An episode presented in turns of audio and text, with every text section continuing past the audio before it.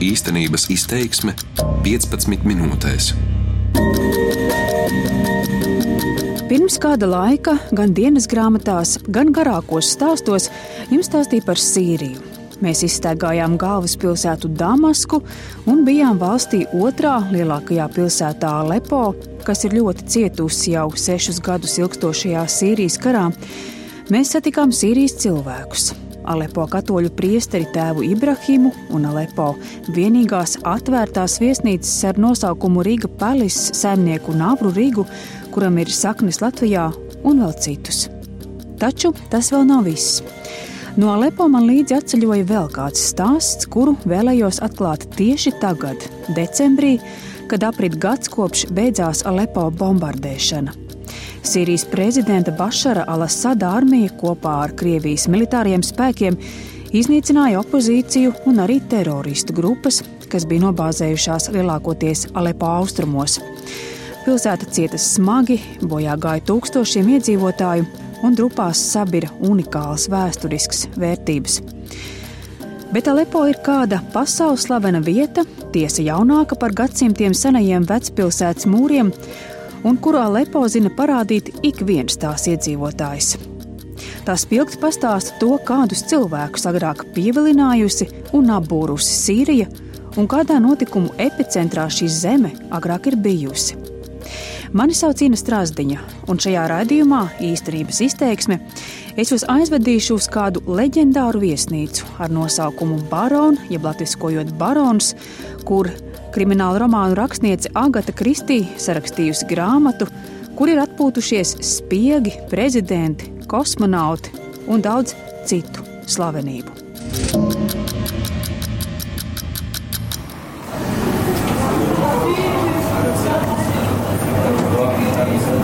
Atzīšos, es īsti nezināju, kā Sīrijā ir pieklājīgi pieteikties ciemos. Šeit ir kara situācija un nav telefona grāmatu, piemēram, kurās ieskatīties. Vienkārši kādā sutīgā septembra rītā cēlos un gāju pa lepo sakrastotajām ielām, garām nomelnējušām riepu darbnīcām, eļļas un augļu tirgotājiem, cauri metāla vārtiem, garām pagalmam, augšu pakmeņu kāpnēm līdz apstājos pie majestātiska, pelēka, vairākstāvu mūra nama. Lielās, smagās, tumšā koka parādas durvis bija vaļā, līdz galam atvērtas, un tiklīdz parādījos uz sliekšņa, tā no vēsā, ēnānā vestibila dziļuma atskanēja sauciens skaidrā angļu valodā: Nāciet iekšā! Hello. Hello. Ines Dresdina from Radio Latvia. I'm Latvia. journalist. Ah, okay. Please have a seat. Um, Talib. Man priekšā pavērās liels, gaišām un tumši brūnām šaha galdiņa formā sakārtotu grīdas flīžu klājums. Centrā majestātiskas, platas koka kāpnes, kas ved augšup uz istabām, pie sienas teju divus gadsimtus vecas kartes un apzeltītā rāmī iestiprināti plakāti ar uzrakstu Alepo un Hotel Baron. Pa labi dziļumā pamatīga tumšbrūna koka lete ar zvaniņu, aiz kuras labajos gados būtu stāvējis viesu sagaidītājs. Bet tai priekšā uz vēsās grīdas nolikti un kopā sastumti divi vienkārši galdi ar metāla kājām, bet pie tiem četri cilvēki - divi kungi un divas dāmas, visi pārtraukti pusdienu vidū. Tā es satiku Rubinu Tašjanu, leģendārās viesnīcas barona saimnieci, viņas māsu un ar dzimtu nesaistītus vīrus, kuriem šis nams ir kļuvis par patvērumu kara laikā. Neliela auguma, smalka, tumšiem, viegli iesirmiem matiem, armēņu izcelsmes, aristokrātiska, skolotāja. Cilvēks, kurš arī karā un visnožēlojamākajos apstākļos nav zaudējis cieņu. Un viņa tūdaļ un Sīrijai tik tipiski mani, gluži svešu cilvēku no ielas, un tikko pāris lieksim pārkāpuši, aicina sēsties pie galda un pusdienot ar viņiem kopā. Without. Uh, them, like. Eh. Par viesnīcu baronu uzzināju pirms ierados Sīrijā un ļoti vēlējos to redzēt. Es zināju, ka karš to nav saudzējis un ka tā ir slēgta apmeklētājiem, bet ar vien glabā liecības par to, kāda pasaules elpa ir plūdusi tagad sagrautās Alepo ielās un cik būtisks centrs pasaules kartē ir bijusi pati Sīrija.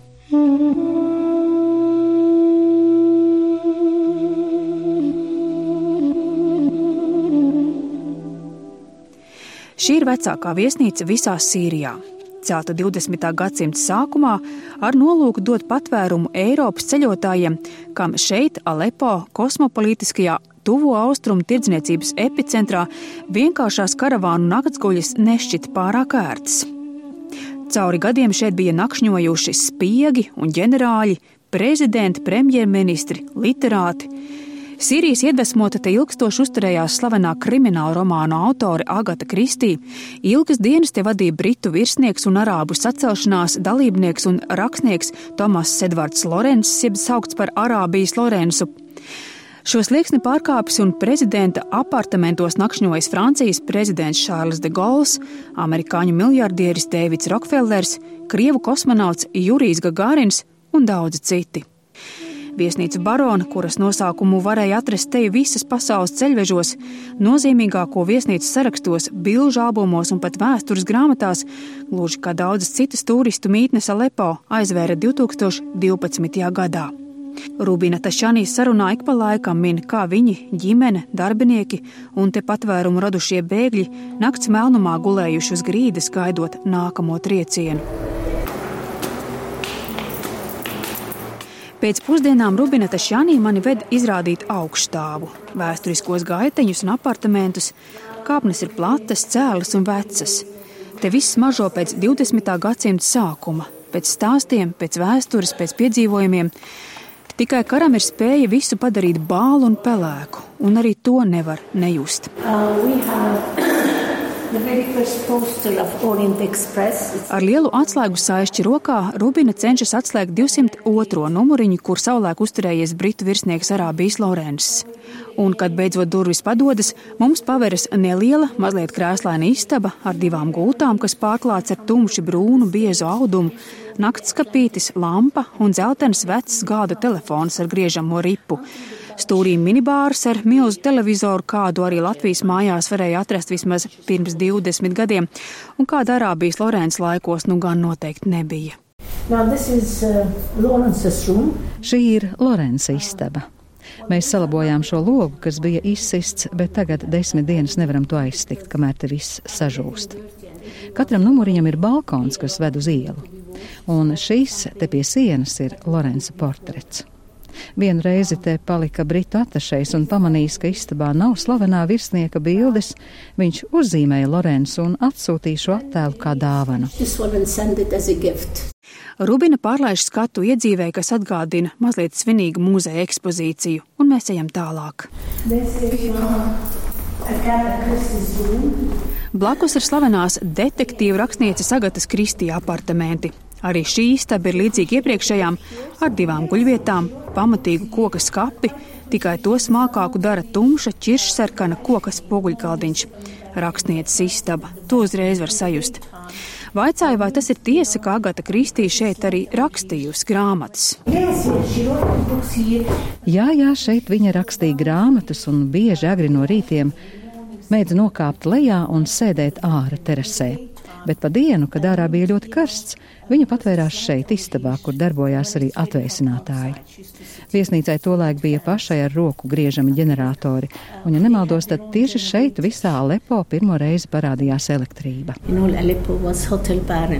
Un mēs ejam tālāk, iztaigājot vēsturisko plašo ēku, Ielūkojoties arī prezidenta apartamentos, no kuriem toreizējais karalis Faisals bin Huseins pasludināja Sīrijas neatkarību no Osmaņu impērijas, bet pa ceļam Rubina rāda, ka dažas durvis pēc trieciena viņiem vairs nav slēdzamas, kur logi turas teju vai diegos. Sienās griestos izrauti milzīgi robi.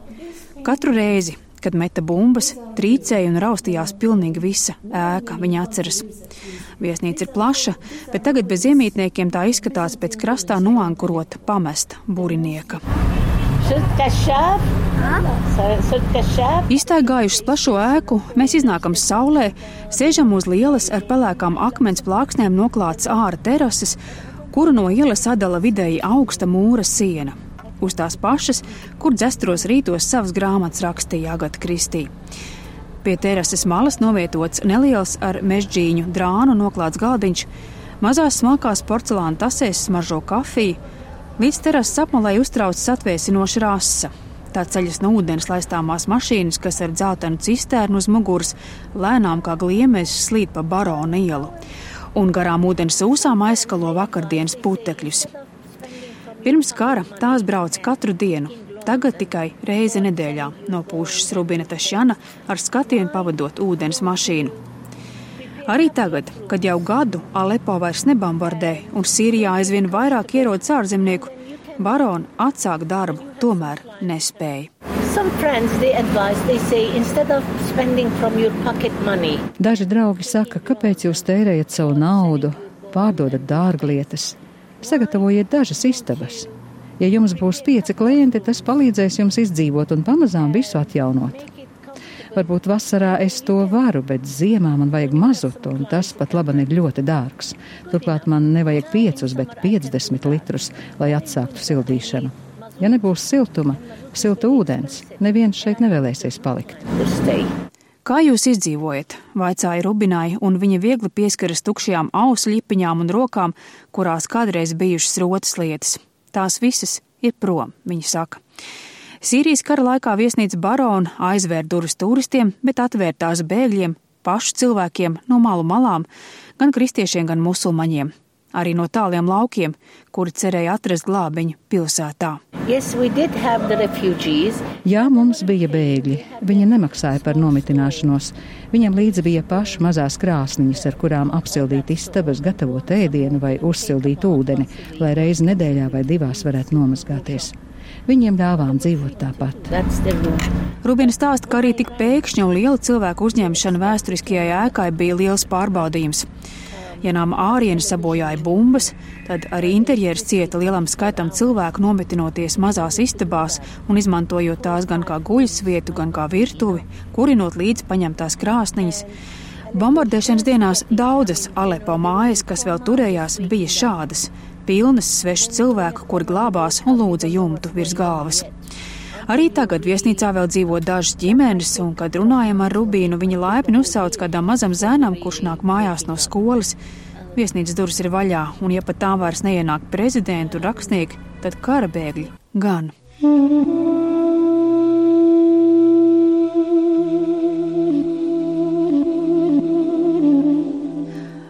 Alepo pat labāk ir kā cilvēks, kurš mostas no komas bet no komas modies, uzreiz nevar saprast, kas notiek un ko lai dara. Rubīna saka, bilstot, ka tādēļ arī viesnīcas liktenis ir pilnīgi neskaidrs.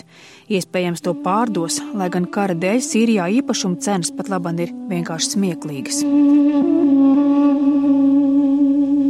Tā nu sanāk, ka dienās, kad esmu Sīrijā, Alepo viesnīcā baronu viesojos vairāk kārt. Rubina mani aicina, un es neatsaku. Mēs iedraudzējamies, man patīk viņā klausīties par vecajiem laikiem un to, kā šajā namā un cauri pilsētā plūdus vēsture.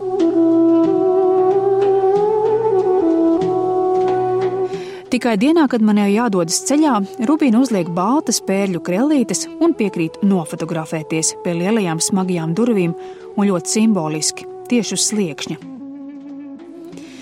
Mēs atvadāmies ļoti ilgi, stāvot uz mūra kāpnēm. Rubina pakāpiena augstāk, es vienu lejāk, un es nezinu, vai tad, kad šeit atbraukšu atkal, viņa būs vēl te. Kas būs noticis ar baronu viesnīcu slavenajām istabām, un vai te vēl vēdīs tas trauslais un bezgalīgi interesantais vēstures gars, kas ļauj saprast un ieraudzīt pasauli tās attīstībā, un ko tik brutāli un spēji var nolīdzināt karš un pāris naidā mēstas bumbas bet jau atgriezusies Latvijā, es bieži atceros baronu viesnīcu un visvairāk Rubinas Tešanas sīkstumu, mieru un atvērtību un cieņpilnu attieksmi pret tik vienu, kas pārkāp viņas pasaules slavenā nama slieksni. Ir 2017. gada decembris. Alepo jau gadu nebombardē un ir klusums. Tāds pietiekami stiprs, es ceru, lai tam būtu arī augšām celšanās spēks. Mani sauc Inna Strasdiņa, un šo raidījumu īstenības izteiksme es veidoju kopā ar skaņu operatoru Uldi Grīnbergu. Darbības vārds īstenības izteiksmē izsaka darbību kā realitāti.